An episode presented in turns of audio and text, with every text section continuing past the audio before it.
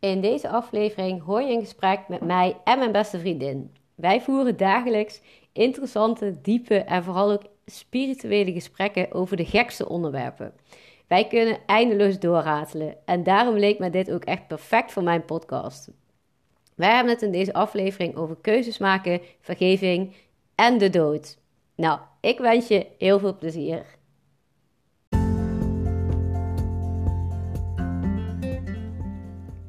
Yes, super leuk dat je gaat luisteren naar mijn podcast. Je bent van harte welkom bij de podcast voor spirituele ontwikkeling. Mijn naam is Ilvi en ik ben gefascineerd door spiritualiteit, meditatie en persoonlijke ontwikkeling.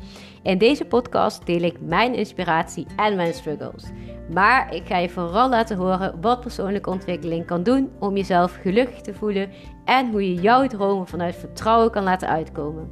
Daarnaast krijg je een inkijkje in de gesprekken die ik dagelijks voer met mensen die ik inspirerend vind. In deze gesprekken kun je verschillende onderwerpen verwachten die aan bod zullen komen. Ook deel ik concrete tips, stappenplannen en inzichten, zodat jij een magisch gevoel gaat ervaren van alle fantastische mogelijkheden die ter beschikking zijn in deze supermooie wereld. Een magisch gevoel waarin je echt de hele wereld aan kan. Heel veel plezier en je kunt mij in ieder geval vinden op Instagram bij Ilvi van Grunsven.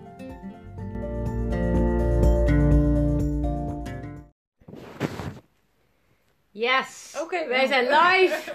live. Yes. Live, ja, semi-live. Ja. Nou, welkom in mijn podcast. Oh, oh, dank je. Ja, eh super leuk dat jij eigenlijk mijn eerste gast wil zijn. En ehm, nou ja, misschien wordt het niet de eerste aflevering die ik live zet, maar eh, wel mijn eerste gast. Dus super spannend. Ja, ik vind het ook spannend. Ehm, nou ja, ehm, ik heb zelf een introductie bij mijn podcast, maar ik, eh, niemand kent jou, denk ik. Dus laten we maar eerst beginnen met introductie. Ja, Wie goed. ben jij? Ik was wel bang voor die vraag. Nou, wat moet ik allemaal vertellen? Nou, ik ben Marianne, ik ben 26 jaar en ik eh, studeer pedagogische wetenschap aan de universiteit. Oké, nou dan weet ik ook meteen wat jij doet. En de luisteraars natuurlijk ook. Ja. En eh, mijn tweede vraag, om nog een klein beetje in de introductie verder te gaan, is ook: ehm, waar ken je mij van? Hmm. ik weet wel dat wij een soort van beste vriendinnen zijn, maar Mhm. ja, de luisteraar niet, dus eh, let me know. Nou, van ons werk op, op eh, een middelbare school in Arnhem hebben wij elkaar ontmoet. En moet ik ook nog even uitleggen hoe dat ging of niet? Ja hoor, je mag gewoon eh, alles vertellen Hmm. wat je wil. Ja, volgens mij waren wij de twee jongste collega's die we hadden. En zo waren er nog twee jonge collega's. En toen begon een beetje een eh, groepje te vormen. En zo is het gegaan, denk ik. Ja, Ja. ja een steeds sterkere band. Mhm. En ehm, dan rest mij nog een vraag: waar woon je nu dan? In hetzelfde huis als jij. Yes, dat miste ik nog een beetje. Oh, oké, ja. Oh, nu zijn wij huisgenoten. Ja, precies. Mhm. Ehm, nou, in ieder geval een kleine introductie. Ik denk Mhm. dat we gedurende het gesprek jou helemaal leren kennen. En Ja. nou, ik wil nog wel even kort eh, vertellen wat de bedoeling is van deze podcast. In ieder geval om een leuk gesprek te voeren. En ik heb jou gekozen omdat we altijd super leuke en inspirerende gesprekken hebben over alles. Het gekste wat je kan bedenken, daar hebben we het wel over. En ik dacht, dan moeten we gewoon een podcast van opnemen. Ehm, wij hebben eh, allebei vijf vragen bedacht. En ehm daar weten we niet van elkaar. Dus die vijf vragen gaan we voorlezen. Of eh, in jouw geval tien zie ik al op je plaatje. Nou, zes. Oh, zes. En ehm, nou ja, dan mogen we daarna een vraag kiezen waar we mee willen beginnen. En ehm, misschien dat we ze allemaal kunnen beantwoorden, maar ik denk het niet, want ons kennende kunnen over één onderwerp al 100 jaar eh, uitweiden. Ja. Dus ehm, wil jij beginnen met de vragen of wil je liever dat ik begin met de vragen? Ja, ik wil wel beginnen, maar ik kan je ook vertellen, er zitten ook best wel duistere vragen bij. Oh jee, ik ben benieuwd. Dus dat vind ik zelf. Toen ik dit opschreef, dacht ik, wow, oké, ik heb hier gewoon twee vragen over. Maar goed, Ehm, ik ga ze gewoon op volgorde voorlezen. Het zijn er dus zes. Wat was volwassen zijn in jouw ogen toen je, toen je nog een kind was? En is dat beeld nu ook echt zo geworden? Wat zou je nog willen doen voor je komt te overlijden? Wat zou jij een kind als levensadvies meegeven? Wat gebeurt er volgens jou na de dood? Uh, wat is het beste advies dat jij hebt gekregen? Wanneer heb jij het gevoel dat je de hele wereld aan kan?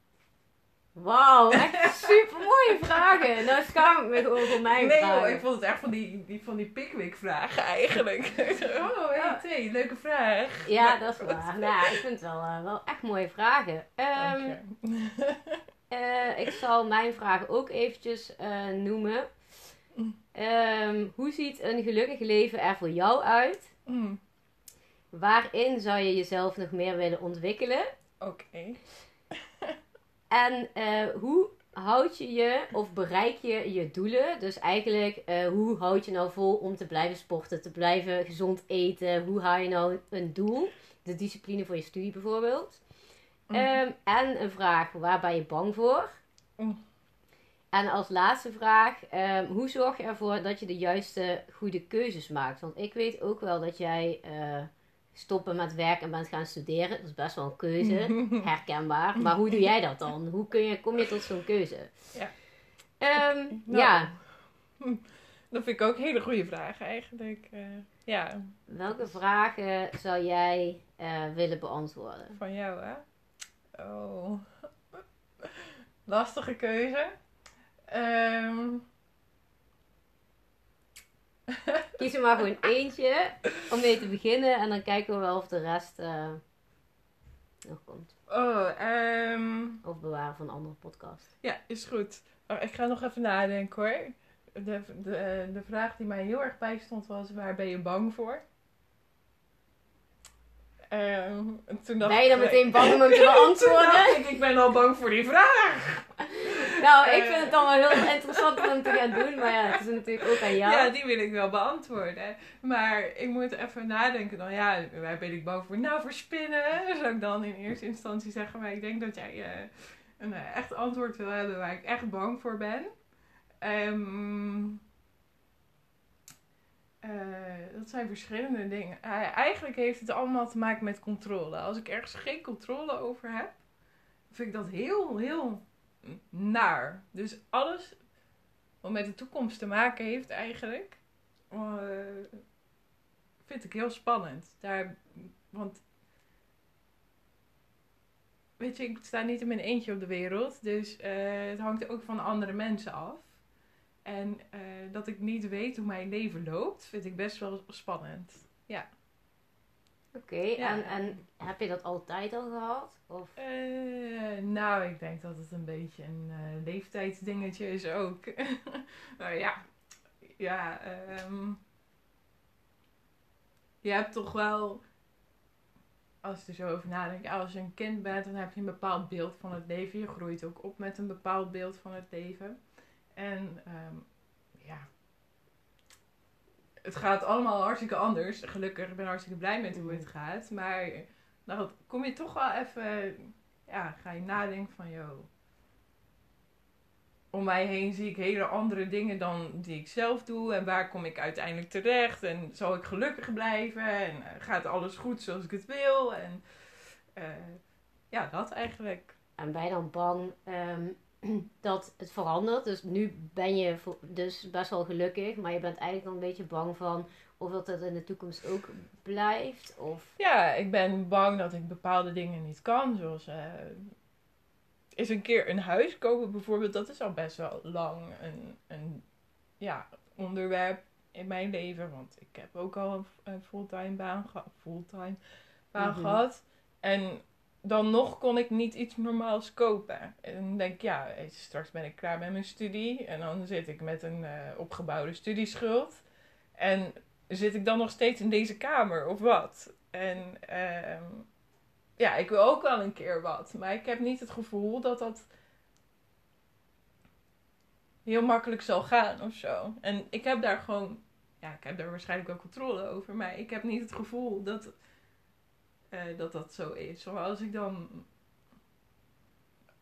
Als ik dan niet bereik wat ik zou willen, dan ben ik heel bang dat ik teleurgesteld raak in mezelf.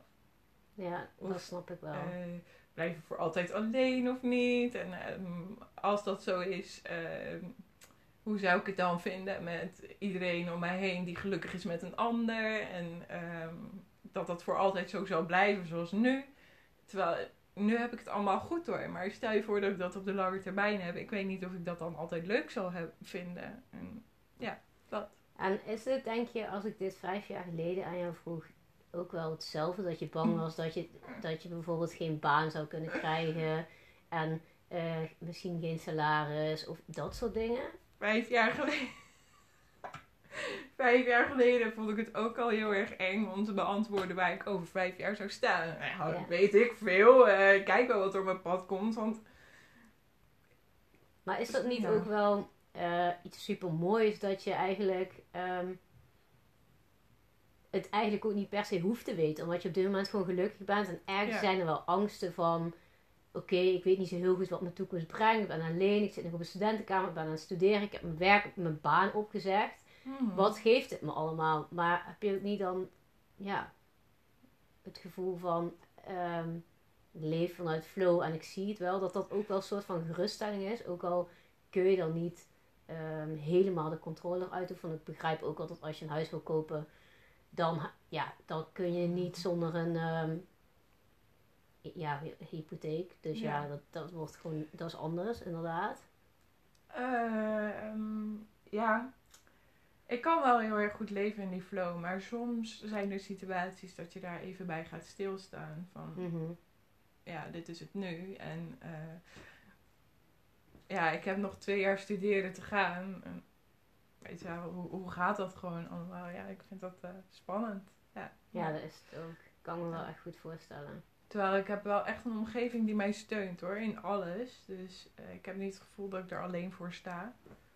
Maar soms ben ik gewoon bang dat ik eh, ja, alleen achterblijf of zo. In de- door de keuzes die ik maak. Ja, en dan vind ik het eigenlijk wel heel interessant om dan direct die vraag natuurlijk te stellen. Hoe zorg je dan dat je goede keuzes maakt? Want je zegt natuurlijk, eigenlijk maak je best wel goede keuzes voor jezelf. Want je kiest letterlijk van, ja, die baan kan me gestolen worden. Niet helemaal Ja, zwart-wit. Maar- Hmm. Ja. hoe, hoe- ik überhaupt... Hoe ik...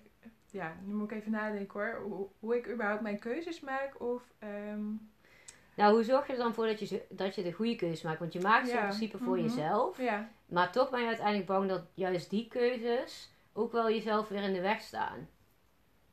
ja. Eh, to the point. Oh ja. Ehm, ja, dat je inderdaad keuzes voor jezelf maakt. Ja. Maar dat ze eigenlijk, uiteindelijk ben je ook wel een beetje bang door de keuzes die je zelf maakt voor andere dingen. Ja.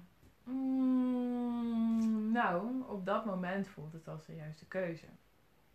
Dus als ik. Ik loop al wel langer rond met dingen. Eh, zoals mijn keuze om te gaan studeren kwam niet vanuit het niks. Dat was al toen ik daar. Toen ik daar was aangenomen, zat ik al in mijn hoofd met. hmm, ja, weet je, ik heb nu werk omdat ik niet door kon studeren waar ik wilde studeren. Dus ehm, toen dacht ik, ik zie wel waar ik terecht kom. En ehm, in mijn achterhoofd bleef toch echt wel zitten dat ik nog wilde eh, studeren. Dus dat bleef in mijn hoofd. En ik heb dat echt heel veel besproken met mijn eh, moeder. En ehm, ja, die zei, ga ervoor. Maar dan durfde ik het nog steeds niet. Want ja, nu had ik een vast inkomen. Ik had leuke collega's. Ik had wel hele lieve leerlingen. Meestal. en ehm, dus dan, ja, ik durfde die keuze niet echt te maken. Maar toen was er een eh, moment. Ik weet niet eens. Ja, ik weet eigenlijk wel waardoor. Eigenlijk was mijn mentorklas. Die, eh, waar zoveel in gebeurde. En ik merkte dat ik nog wilde leren. Ik wilde daar heel veel over leren. En dat dat niet kon in de situatie waar ik zat. En ehm, dus heb ik eh, overwogen om toch te stoppen met het werken en te gaan studeren. En de timing was ook geweldig. Had niet beter gekund toen. En ehm, Maar kijk, ja, weet je, wat, weet je wat het is? heel veel mensen die ehm, gaan werken en die zitten op hun plek en die twijfelen ook wel. En die denken, Ja. ja, eigenlijk wil ik ook wel meer. Maar ehm, de- die stap ehm, om echt je, je, je werk op te zeggen met het salaris wat je gewend bent, et cetera, is voor veel mensen echt veel te groot. En ik ben eigenlijk wel echt benieuwd wat jou er dan uiteindelijk toch voor eh, heeft getriggerd Ja. om te zeggen, ja, fuck dat salaris. ik ga gewoon studeren en fucking veel geld uitgeven aan mezelf eigenlijk. Eh, het voelde heel erg juist om te doen. Ik had ook echt steun van mijn moeder en van iedereen om me heen ook. Dat mensen zeiden, ja, het is super tof als je dit gaat doen. En zo, zo voelde het ook. En ehm, ik had het gevoel dat ik stil stond. En als ik het gevoel heb dat ik niet kan zijn wie ik wil zijn, of niet eh, tot dat, ja, dat ik niet eh, het beste uit mezelf kan halen, dan, eh, dan vind ik dat ik op zoek moet gaan naar iets anders. En ehm, soms kan ik zo een, een keuze maken, zoals de auto die ik gekocht heb. Ik heb een paar auto's bekeken, maar ja, deze had zo'n verbinding dat ik mijn eigen muziek erin kon steken. En hij was leuk en blauw en klein. Nou ja, dat was hem. Ja. Dus is wel, maar eh, dat is dan ook een hele grote keuze, een auto kopen. Maar eh, ik denk eigenlijk toch wel dat ik eh, heel erg luister naar van oké, wat voelt heel erg prettig. En op dat moment voelde dat heel erg prettig. Maar nou ja, dan kijk je niet, ik kijk dan niet naar de lange termijn. Dan denk ik, oh ja, drie jaar, ja, komt zo goed. Maar nu ben ik een jaar bezig en denk ik, oh, moet ik toch twee jaar doen? Oké.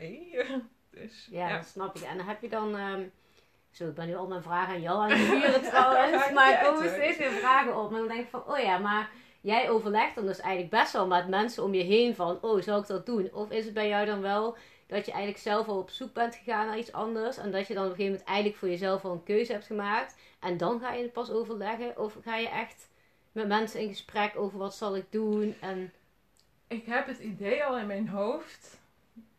En eigenlijk ben ik dan op zoek naar de goedkeuring. Dus ik wil al heel graag iets. Mhm.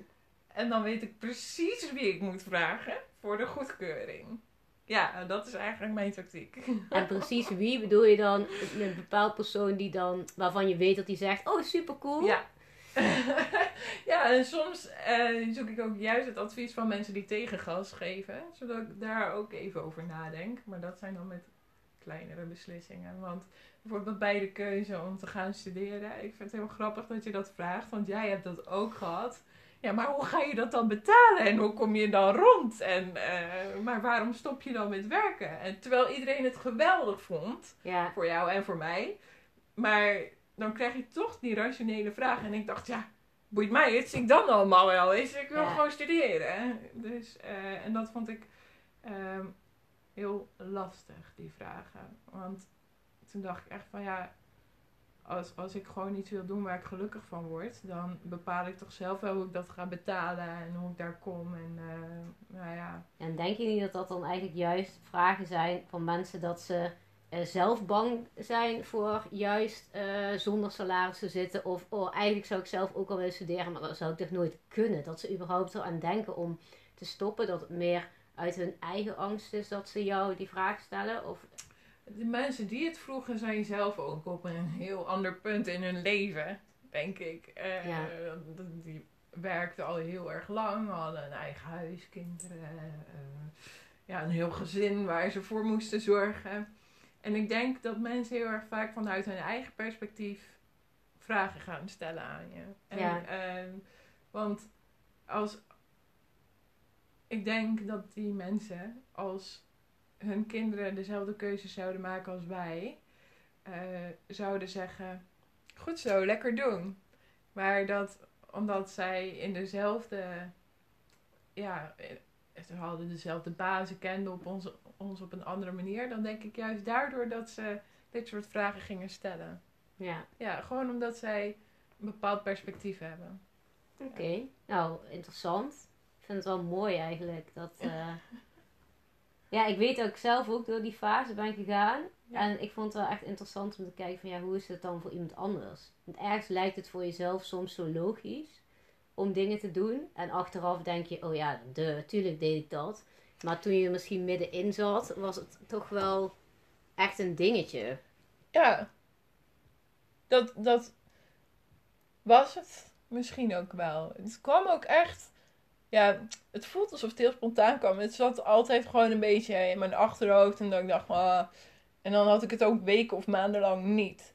En dan, ja, ineens was het er gewoon echt. En uh, ja. En hoe lang heb je op die school gewerkt? Even voor de. uh, vier jaar. Ja, dat is toch wel. Vier jaar, ja. Tijd. Ja. Ja, maar ja, het was ook echt een uh, geweldige tijd. Maar ik denk echt dat het een uh, goed moment was om weg te gaan. ja, ja, en... Ja, daar wil ik verder niet te veel over uitleggen. Nee, maar, nee, nee. nee. Um, maar dat, zo voelde ja. het gewoon. Dus als het zo voelt... Ja, wat ja. er ook op mijn pad was gekomen. Of het nou een studie was of een andere uh, baan. Of iets waar ik me nog beter in kon ontwikkelen bij dezelfde baan. Wat dan ook. Dan had ik dat aangegrepen. Dat was, dat was nodig voor mij. Dus ja denk dat, uh, dat het was. Ja, maar nu, ik zat ook ineens in mijn hoofd met um, dat jij mij daar ook wel heel erg in helpt. Maar dat is dan weer iets heel erg anders. Bijvoorbeeld met reizen. Daar zat ik net ineens aan te denken van ja, jij vindt de, de, over dingen waarvan je denkt, ja, natuurlijk doe ik die. Um, nou ja, jij ging altijd al wel op reis. En dat wij daar een keer een middagje in een cafeetje zaten. En dat ik toen besloot door middel van loodjes trekken dat ik naar Bali zou gaan. Terwijl ik nog nooit had gebackpackt. Ik was nog nooit in Azië geweest. Ik was volgens mij, ja oké, Amerika heb ik wel eens gezien. Maar verder dan dat, weet je wel. Helemaal niks. En, um, en ik dacht, oh ja, is goed, dat doe ik leuk. Nou, daar schrok ik wel eventjes. Toen kwam ik thuis en toen zei iedereen, wow, wat cool dat je dit ging doen. En ik dacht, dat doe je toch gewoon even, hè? Maar um, daarvoor had ik ook de hele tijd bewondering voor jou. Dat ik dacht, zo, ja, zij is echt al heel erg ver geweest. En, en nou ja, toen ging jij drie maanden naar Colombia. Drieënhalf, vier, zoiets. Nou, ja, klopt. Uh, ik vond dat ook juist weer een hele grote stap. Toen dacht ik, nou, ik zou dat ook wel willen, maar ik weet niet zo goed hoe. Ja. dus ja. Ja, dat is het ook wel vaak. Dat ik denk van, oh ja, ik heb ergens een doel. En dan heb ik een idee en dan denk ik, ja, daar ga ik echt voor. Want het voel je wel of zo, ja. of je iets echt moet gaan doen. Mm -hmm. En dan ga je het eigenlijk soort van uitstippelen in je hoofd, maar soms ook in je dagboek. En soms schrijf je het uit en laat je het soms een keer ergens vallen. Een woord of iets daarover. En dan peil je eigenlijk een beetje reacties. En op een gegeven moment dan voel je aan alles gewoon, je moet het gewoon gaan doen. En dan Ja. ga je op zoek welke landen zijn interessant. Of in dit geval welke studie. Of Mhm. wat dan ook. En ehm, dat vind ik wel echt eh, helpen bij het maken van een radicale keuze. Want eigenlijk is het ook wel een radicale keuze om zomaar drieënhalf maand eh, niet te werken en te gaan reizen. Of je, je werk, je komt terug, je zegt je werk op. En bij jou hetzelfde, dat je je werk gewoon opzegt om te gaan studeren. Ehm, ja, het zijn toch wel keuzes die je voor jezelf maakt. Mhm. Maar waarbij je inderdaad ook soms wel zo'n diep verlangen en gevoel hebt dat je er ook gewoon niet omheen kan. Nee, precies. Wat je eigenlijk zegt. Je Ja. zegt al van ja, ik heb het gevoel dat het gewoon moet. En ja, dan uiteindelijk doe je het ook. En ik denk misschien ook wel dat het een soort van karaktereigenschap is. En ik denk ook wel dat het komt door de mensen om je heen. Dus ik denk dat Mhm. wij bijvoorbeeld elkaar ook echt wel daarin ehm, ehm, beïnvloeden. Ik was even naar een woord aan het zoeken. Maar ja. dat denk ik wel. Want als ik inderdaad tegen jou zeg ik wil gaan reizen, dan zeg jij ja, superleuk. In plaats van hoe ga je dat betalen? En eh waar ga je naartoe? Kijk je uit? Weet je wel. Dus dat, dan maakt het ook wel weer superleuk natuurlijk. Ja, ja, ik zou dat, dat zijn allemaal jouw zaken, weet je wel. En ik weet wel, eh, dus dat heb ik gewoon als mensen mij bepaalde vragen stellen. Dan denk ik, ja, dat zijn mijn zaken. Dus die zou ik ook minder gauw aan een ander stellen. En als iemand iets le- leuks wil doen, dan zou ik dat alleen maar toejuichen. Ja, maar ik denk wel dat dat een proces is. Want ik kan me ook wel voorstellen dat heel veel mensen ehm, direct een beetje in de angst schieten van... Oh, maar ehm, en dit dan en dat dan. Dat je allemaal dingen in je hoofd gaat bedenken wat er allemaal mis kan gaan. En dat ze eigenlijk ook wel ehm, zich zorgen maken direct. Ja, ik weet eigenlijk niet heel goed waar ik met deze vraag naartoe wil. Maar ehm, dat merk ik altijd. En dat ik dan soms ook wel eens bang ben om dingen te delen, zeg maar. Dat als je zelf een heel mooi idee in je hoofd hebt, dat, dat dan ehm, mensen vaak eh, reageren vanuit eigen angst of zo. Ja. Ja. En dat, eh, ja, goed. Eigenlijk is dat niet echt een vraag, maar meer een opmerking. ja, dat klopt. Dat is Ja. ook zo. Ja, dat denk, ik denk ook, ja, dat is ook zo. Ja, ja. Ja, en ik wil er nou aan toevoegen dat ik wel echt probeer dat eh, minder te doen. Dus dat je dan, als mensen inderdaad iets vertellen, dat je dan uit enthousiasme reageert en eh, niet uit angst. Dus wat je eigen angst ook is, probeer dan gewoon een vraag te stellen over eh, eh, uit nieuwsgierigheid, maar niet uit angst. Tenminste, dat vind ik wel echt een eh, interessante les of zo. ja. En ik denk ook wel dat ik dat van jou heb geleerd. Oh, dat vind, ik, dat vind ik eigenlijk wel heel cool om te horen. Ik denk, ja. ehm, ik heb, ja.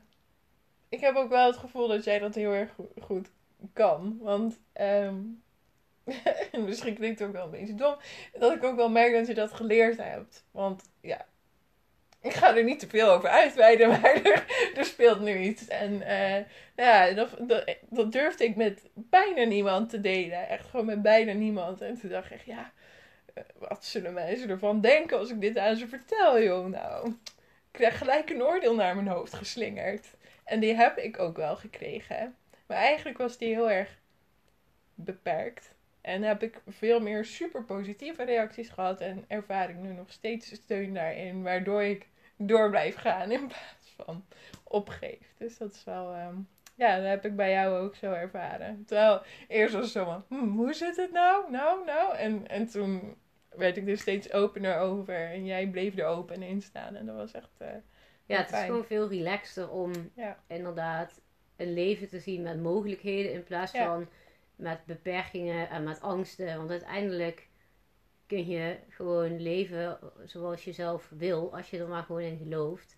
En Ja. ja, ja daar ben ik me ook wel bewust van, steeds meer, om daar echt ook open in te zijn en dat ook echt open te voelen. Dus niet Mhm. alleen maar een toneelstukje daarvan op te voeren, maar het ook Mhm. echt te menen en het ook echt te geloven eigenlijk.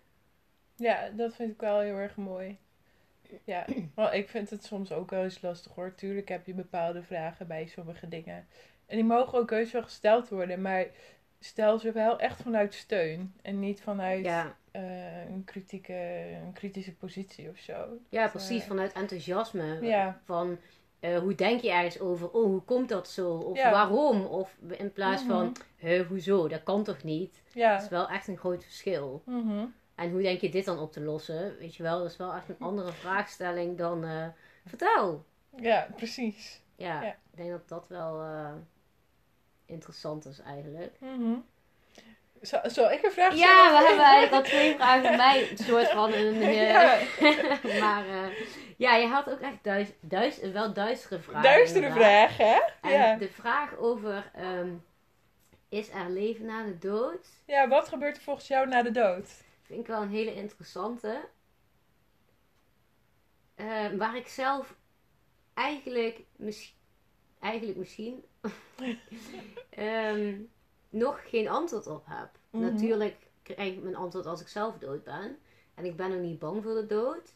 Maar ehm, ik geloof wel echt erin dat je niet doodgaat. Mhm.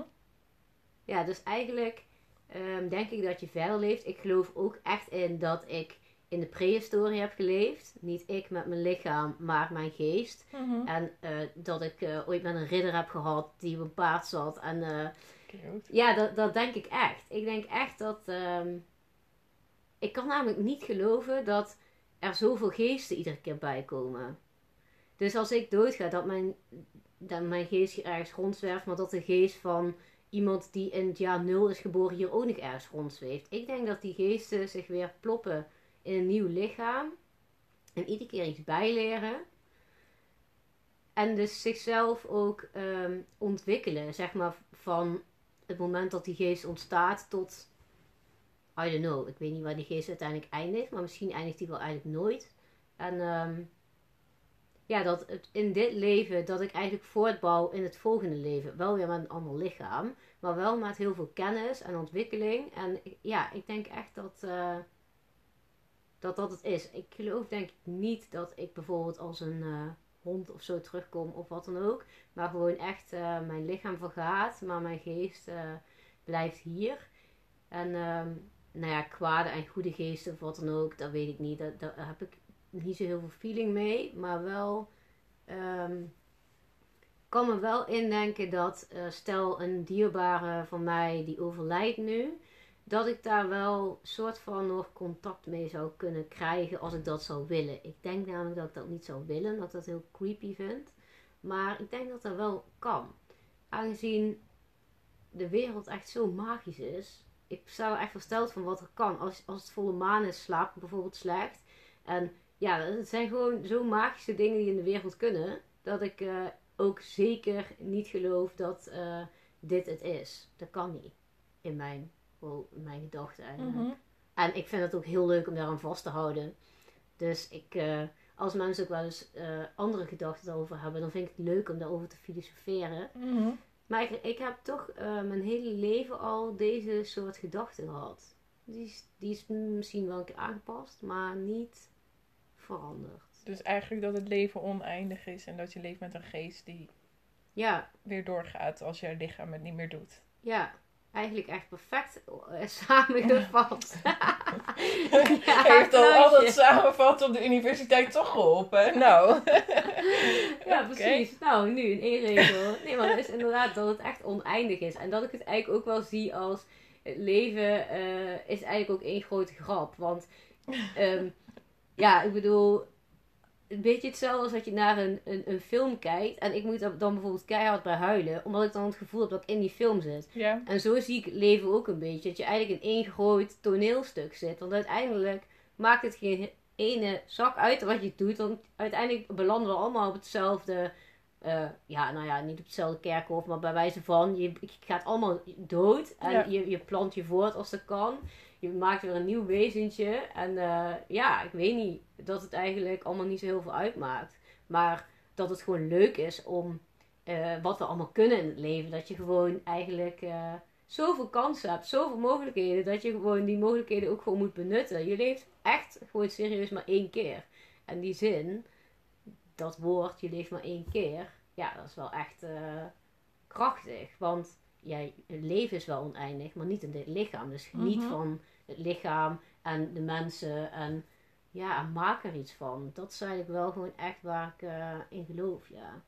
En jij, geloof jij eigenlijk in leven na de dood? nou, ik, toen ik deze vraag in mijn hoofd had, dacht ik echt, ik hoop dat ze niks terug gaat vragen aan mij. Want ha, dan kunnen we weer teruggaan naar de vraag, waar ben je bang voor? Nou, kijk, dit is dus iets waar ik geen controle over heb. Hè? Ben jij Dus- bang voor de dood? Nee, ik ben Oh. niet... Nou, ehm, nee, ik denk er gewoon niet over na. Ja, als, als je mij zou vragen van... eh, stel je voor, ik ga morgen dood. Eh, wat ga je doen? Dan denk ik echt... Ga ik morgen dood? Waar ga ik dood aan? Gaat het pijn doen of niet? Weet je? wel? Ja, Dat- dat zou ik denk dat- ook wel denken. dat vind ik allemaal Ja. wel heel erg eng. Ik heb ook heel erg eh, weinig ehm, met de dood te maken gehad. Eh, ik heb een opa en oma die ik niet eens heb gekend. Ik heb alleen één begrafenis meegemaakt in mijn leven. Dat was de beste vriend van mijn ouders. Nou, dat, ja, dat blijft me dan wel bij. Maar voor de rest heb ik er heel, ehm, ja, in principe best wel weinig mee te maken gehad. En ehm, dus dat, dat, dat vind ik eh, best wel eng. Maar dan gaat het meer om. Ik heb echt geen antwoord op die vraag. Ik weet niet wat er dan daarna gebeurt. Ik geloof. eh, Geloof je dan in de Ehm. krachten van eh, bijvoorbeeld ehm, van de aarde, zeg maar? Dat die, ja, dat is misschien wel een beetje een, een, een spirituele vraag, maar dat Nee, je zeg maar, daar ehm. ook een beetje door geleid wordt en dat het wel ooit een keer goed komt en dat, ja, ja de kracht van, ehm, ja, dat iemand eigenlijk wel voor jou zorgt of zo. Nou, dat wilde ik dus, dat ik dus het vraagt, want daar wilde ik net iets over zeggen. Inderdaad, dat ik niet geloof dat de wereld vanuit het niets is ontstaan, maar dat die door iets of iemand of wat dan ook is gecreëerd. En het is niet per se dat ik zeg dat ik in, in een god geloof of zo, maar ik geloof wel in een wonder. En ik denk dat dit echt vanuit een wonder is ontstaan. Want als je, als je kijkt wat er allemaal gebeurt, zoals jij net zei, dan denk ik echt, wow, eh, kijk eens wat de wereld allemaal kan. En ehm, dus het zou me niks verbazen als er een leven hierna was. Ergens vind ik het idee vanuit het geloof wel heel erg mooi. Nou ja, de hel vind ik niet zo mooi. Maar de hemel bijvoorbeeld, dat vind ik echt een, een, een heel mooi idee. Maar ik weet niet of ik daarin geloof. En in wil geloven, omdat er ook een compleet tegenovergestelde kant is. En, uh, Wat bedoel je met compleet tegenovergestelde nou, kant? Nou ja, de hel, De hel, zie ik echt als een compleet tegenovergestelde kant. Eh, het- en ik Maar geloof je er dan ook in dat ehm, wat je ook doet in de wereld, dat je eigenlijk niet in de hel kan komen, omdat jij of een probleem hebt, bijvoorbeeld als jij iemand neerschiet, wat heel erg is, maar dat diegene waarschijnlijk gewoon in zijn kopie niet helemaal goed is en dat die dan, ja, dat er dan gewoon iets, iets met hem aan de hand is. En dat dat een reden is, maar dat gewoon wel iemand in de hemel kan komen, bij wijze van. heel eerlijk gezegd geloof ik echt, nou ja, dat weet, ik weet niet of ik in een hemel en een hel geloof. Maar stel je voor dat het er zou zijn, dan geloof ik echt wel dat mensen, dat er echt hele, hele, hele slechte mensen bestaan. En niet zo. Mensen of een geest van mensen? Eh, ja, dan, dat is dan jouw benadering. Maar Mhm. mijn benadering zou zijn, er zijn echt slechte mensen. Dat is dan echt een slecht persoon. ja. En, ehm, en ik leer natuurlijk en ik weet dat dat door allerlei omstandigheden komt. Maar uiteindelijk ehm, kan het er wel toe leiden dat mensen echt niet eh, oké zijn. Maar dan nog vind ik de hel, hoe die neergezet wordt en hoe, hoe, hoe die er is, dan denk ik echt, nou, dit, dit, weet je wel, dat is zo duister. Ook de ergste persoon op aarde zou daar niet terecht hoeven komen. In mijn ogen. Ik vind dat zo.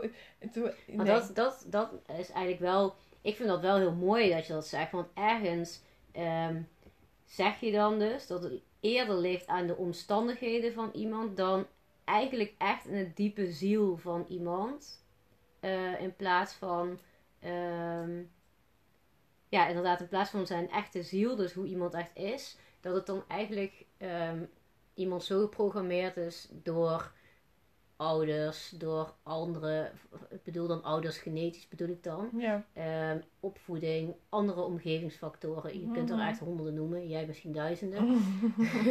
Maar dat het eigenlijk, ehm, dat dat eigenlijk ervan af moet worden gehaald, want uiteindelijk is een mens gewoon een mens. En ja, ja, dat daar eigenlijk soms weinig aan gedaan kan worden. ja, En, maar dan nog gun je diegene niet het slechtste. ja. Ik denk niet eens dat het een, eh, een puntensysteem is. Ik denk gewoon, je bent een mens, je hebt een leven gehad. eh, nou ja, je bent overleden. Eh, nou ja, dan ga je op een andere manier maar verder leven. En het idee van hemel vind ik heel erg mooi, maar ik, ik denk niet dat dat echt bestaat. Ehm, maar ik denk wel dat je op een of andere manier ehm, verder leeft. Ja. Ik vind het wel, heel- dat vind ik wel een leuk idee als dat echt zou kunnen om als, als geest verder te leven. Dat zou ik echt wel leuk vinden. Dan zou ik een beetje kijken wat iemand aan het doen is eigenlijk. Maar goed. Ja, ik denk ehm, wat jij zegt, van, eh, dat het misschien wel verder leeft, dat, correspondeert natuurlijk wel een klein beetje met wat ik zeg. Ik denk namelijk ook dat, ehm, ook al doet iemand echt iets vreselijks waarvan je denkt, oh, dat, dat, dat kan echt niet. eh, ja, dan nog geloof ik er wel in dat diegene in dit leven blijkbaar dat moet doen en daar heel veel van moet leren. Maar dat hij dan zeg maar de kans krijgt op verbetering eh, na de dood. Mhm. Dat denk ik. En dat hij dan eigenlijk nog gewoon niet zo ver is als alle goede, tussen haakjes, mensen die nu al op de wereld het goede proberen te doen, zeg maar. Dat die gewoon nog heel veel groei nodig hebben, maar dan in een ander leven. Ja, dat denk ik ook wel. En ik denk dat, eh, als ik even refereer naar, naar, naar de rotdingen die ik heb meegemaakt. denk ik, Nou, weet je, ik heb daar ook heel veel van geleerd. Dus eh, dat is ook oké. En, ehm, nou ja, Daar, dat bijvoorbeeld vergeven is nu wel iets waar ik veel meer bij stilsta dan eerder. En waarom? Want wat is voor jou vergeven? Dat weet ik dus nog niet. Dat vind ik heel erg lastig. Want eh, hoe. Eh, ik, ja, ik vind dat eh, sommige mensen best wel nare dingen gedaan hebben. En eh, het liefste zou ik die echt nooit meer willen zien. Maar dan denk ik, ja, stel je voor dat ik ze ooit weer zie. Wat, wat ga ik dan voelen? Weet je wel, ga ik dan weer die haat en woede? Nou, haat vind ik een groot woord, maar die intense woede die ik door deze mensen heb ontwikkeld, ga ik die dan weer voelen? Of kan ik dat opzij zetten, deze persoon gewoon aankijken en denken: oké, je hebt mij pijn gedaan. Misschien heb ik jou ook wel pijn gedaan. Ehm, maar de situatie is nou eenmaal zoals die er is. En ehm, we moeten gewoon weer doorgaan. Weet wel, dat, dat, eigenlijk zou dat voor mij vergeven zijn. Maar ik weet niet eh, in hoeverre ik daartoe eh, in staat ben. Als, komt u weer? Als ik niet weet hoe de andere persoon op mij reageert. Ja, dus eigenlijk heeft dan ook wel met controle te maken. Tuurlijk. Uiteindelijk komt, komt heel veel weer terug bij controle, denk ik. Ja. Maar dan, omdat ik er zelf wel met de moeite open in sta. En nu heb ik iemand heel sterk in mijn hoofd zitten. Ehm, oh, ja, ik zou daar zelf wel open voor staan. Maar aan de andere kant denk ik, ja... Dus als jij dan ook weer in je oude rol vervalt en ik krijg die pijn weer terug, ja, dan weet Ja. ik het gewoon niet of ik daar open voor blijf staan.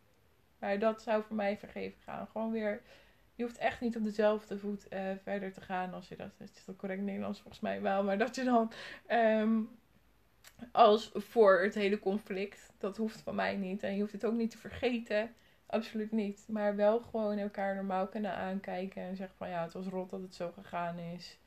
Ik hoop dat het goed met je gaat. Ehm, En werkt het dan ehm, op zo'n, ehm, in zo'n situatie om een situatie van twee kanten te bekijken? Om dan te bekijken van, oké, diegene kan zijn gedrag niet altijd beïnvloeden omdat hij het een en ander in zijn omgeving heeft, et cetera. Dat je op die kant, op die manier eh, kan vergeven. Vergeten niet, want dat, dat, nee, vergeten dat gaat niet. Maar wel vergeven dat je op die kant, eh, Zeker. ja. Zeker nu eh, met. Oh, ik ben best wel schools volgens mij. Maar zeker met alles wat ik nu op de opleiding heb geleerd, denk ik Ja. echt van, nou weet je, het is ook niet altijd makkelijk. Nee, en als- Ik geloof ook wel heel erg in de uitspraak, als een kat in het nauw zit, maakt die rare sprongen. Ja, En daar geloof ik ook wel in. Want dan ehm, zit je helemaal in je hoofd en dan lijkt je hoofd, zeg maar, echt. Het lijkt gewoon alsof, ehm, alsof het helemaal echt is wat jij denkt. Dus bijvoorbeeld, net als met mijn faalangst laatst, Mhm. Ehm, dan denk ik echt dat ik het niet ga halen, een tentamen, terwijl dat gewoon niet waar is. Ik weet dat heel goed, alleen op zo'n moment lijkt het gewoon zo echt. Dus ik kan me dan voorstellen dat je op zo'n moment hele gekke dingen doet. Ik riep toen natuurlijk, ik ga mijn master niet meer doen. En op dat moment had ik me ook echt Ja. gewoon, had ik kunnen bellen en kunnen zeggen, ik kap ermee. Mhm. Stop ermee. En dat eh, is echt een kat in het nauw met rare sprongen. Ja, En op zo'n moment is het heel fijn als je wel mensen om je heen hebt die jou even weer op het rechte pad kunnen trekken. Of dat je dat zelf heel goed kan. ja, Maar sommige mensen hebben dat natuurlijk niet, Nee. nooit aangeleerd. En ik kan me wel voorstellen dat eh, ze dan dingen doen die ze achteraf natuurlijk niet hadden gewild. ja, ik denk dat eh, inderdaad ook. Ik denk ook, ehm, als ik de mensen aan wie ik nu denk weer onder ogen zou komen en dit eerlijk zo zou uitspreken, dat ze het ook zouden waarderen. Zo precies wat jij net hebt gezegd.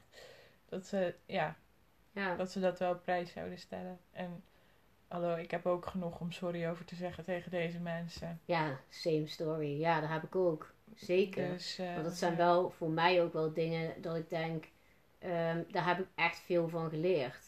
Van, dat Ja. ga ik ook nooit meer doen. Nee, ja, zeg nooit, nooit, maar nee. Dat wil ik niet. nooit meer doen. Ja, precies, kan me niet voorstellen. Nee, Ja. precies. Eh, Maar wat is dan, wat is dan vergeven voor jou? Ehm, ja, moeilijke vraag wel.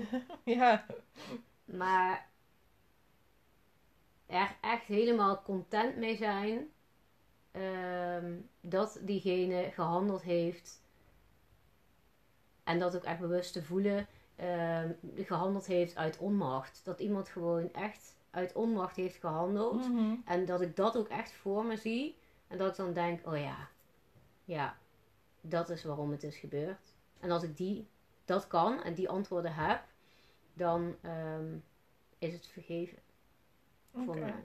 Dus eigenlijk, eh, wat, waar we het net over hadden, ehm, dat is voor mij wel de kern van eh, vergeven. En als ik dat eh, kan, dan is het goed. En dan kan ik diegene of het of wat dan ook wel weer in mijn leven laten. Oké. Oh, Ja. dat is wel heel erg mooi. Ja, ik denk het wel. Ik weet niet of ik iedereen die ik vergeef weer terug zou laten in mijn leven. Vergeven, oké, maar terug in mijn leven, ik wil niet eh, de kans lopen dat hetzelfde gaat gebeuren, het risico lopen. Dat wil ik niet. Nee, maar dat is ook heel helder dan Ja. voor jezelf. En dat is wel echt, ja, eh, goed, denk ik, dat je voor jezelf wel een kader zet. En dat dat ook, ook helemaal oké is. Ja. Ja, wel wel. Ik kan, eh, maar weet je, als ik die personen dan weer zou zien, dan ook oké, weet je wel. Maar echt in mijn leven niet. Nee. Bijvoorbeeld als ik ze dan in de stad tegen zou komen, ja, dan zou ik er veel meer, veel beter mee om kunnen gaan dan wanneer ik ze niet vergeven had. Ja, precies. Ja. ja, voor mij helpt het heel erg ehm, om mijn helikopterview op te zetten. Mhm. En dan uit te werken eh, hoe het in elkaar zit. En ik denk dat ik dat heel erg heb geleerd op de opleiding. Mhm. ehm, docentenopleiding. Want ehm, als je voor de klas staat en de klas is een chaos, Mhm. dan kun je eigenlijk nooit zeggen het ligt aan de kinderen. Want die kinderen reageren ergens op. Misschien iets wat buiten is gebeurd, maar ook misschien iets wat jij hebt gezegd. Dus altijd als ik een les had gehad die gewoon niet goed ging, dan keek ik altijd ernaar terug van oké, welke opmerking heb ik zelf gemaakt om die kinderen te triggeren om op die manier te reageren. En dat Mhm. eh, denk ik wel dat er ook wel aan, aan meewerkt eh, om de situatie van twee kanten te bekijken. Het is actie-reactie en daar geloof ik wel in. Ja, Dus als je dat kan zien, dus er even ernaar kijkt vanaf een ander perspectief, dan ja, ja, dat wel. Ja, dat, dat wel. Inderdaad, het andere perspectief, oké.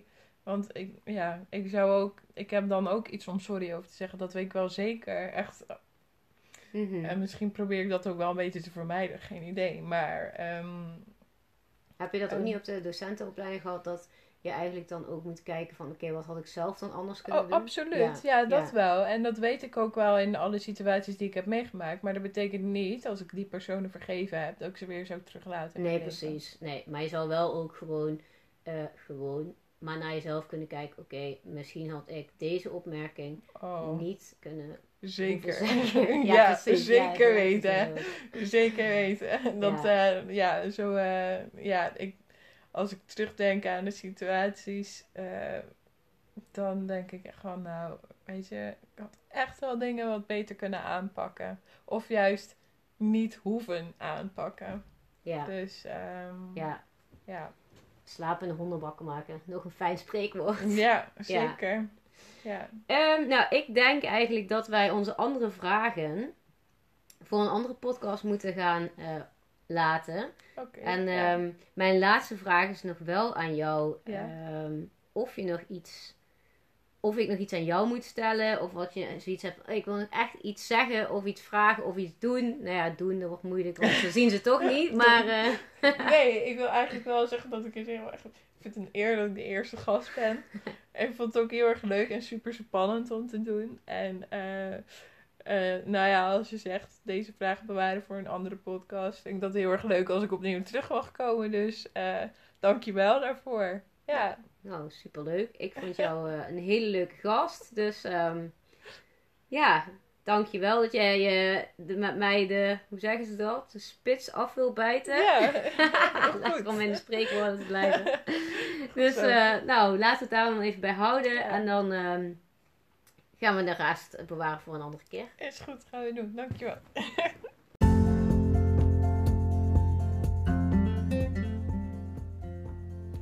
Fantastisch dat je hebt geluisterd naar de podcast voor spirituele ontwikkeling. Ik ben je super dankbaar en ik hoop dat je inspiratie hebt gekregen om ook echt jouw dromen te laten uitkomen en te leven vanuit een diep geworteld vertrouwen in jezelf. Als je nieuwsgierig bent naar de cursussen die ik allemaal aanbied of andere vragen hebt, stuur me dan gewoon een DM via Instagram. Ik vind het hartstikke tof om met je te connecten en op al je vragen een antwoord te kunnen geven. Mijn Instagram is Ilvi van Grunsven, I-L-V Griekse I van G-R-U-N-S-V-E-N. En vind je deze podcast inspirerend en ken je iemand die ook helemaal gefascineerd is door persoonlijke ontwikkeling en baat zou hebben bij deze podcast, dan zou het fantastisch zijn als je deze podcast even met ze deelt. Want op die manier kunnen we er samen voor zorgen dat er meer liefde wordt verspreid in deze fantastische wereld. En als laatste zou je voor mij nog een review willen achterlaten. Dat helpt mij in ieder geval om wat hoger in de ranking te komen, zodat meer mensen mij kunnen vinden. Super bedankt en hopelijk tot snel.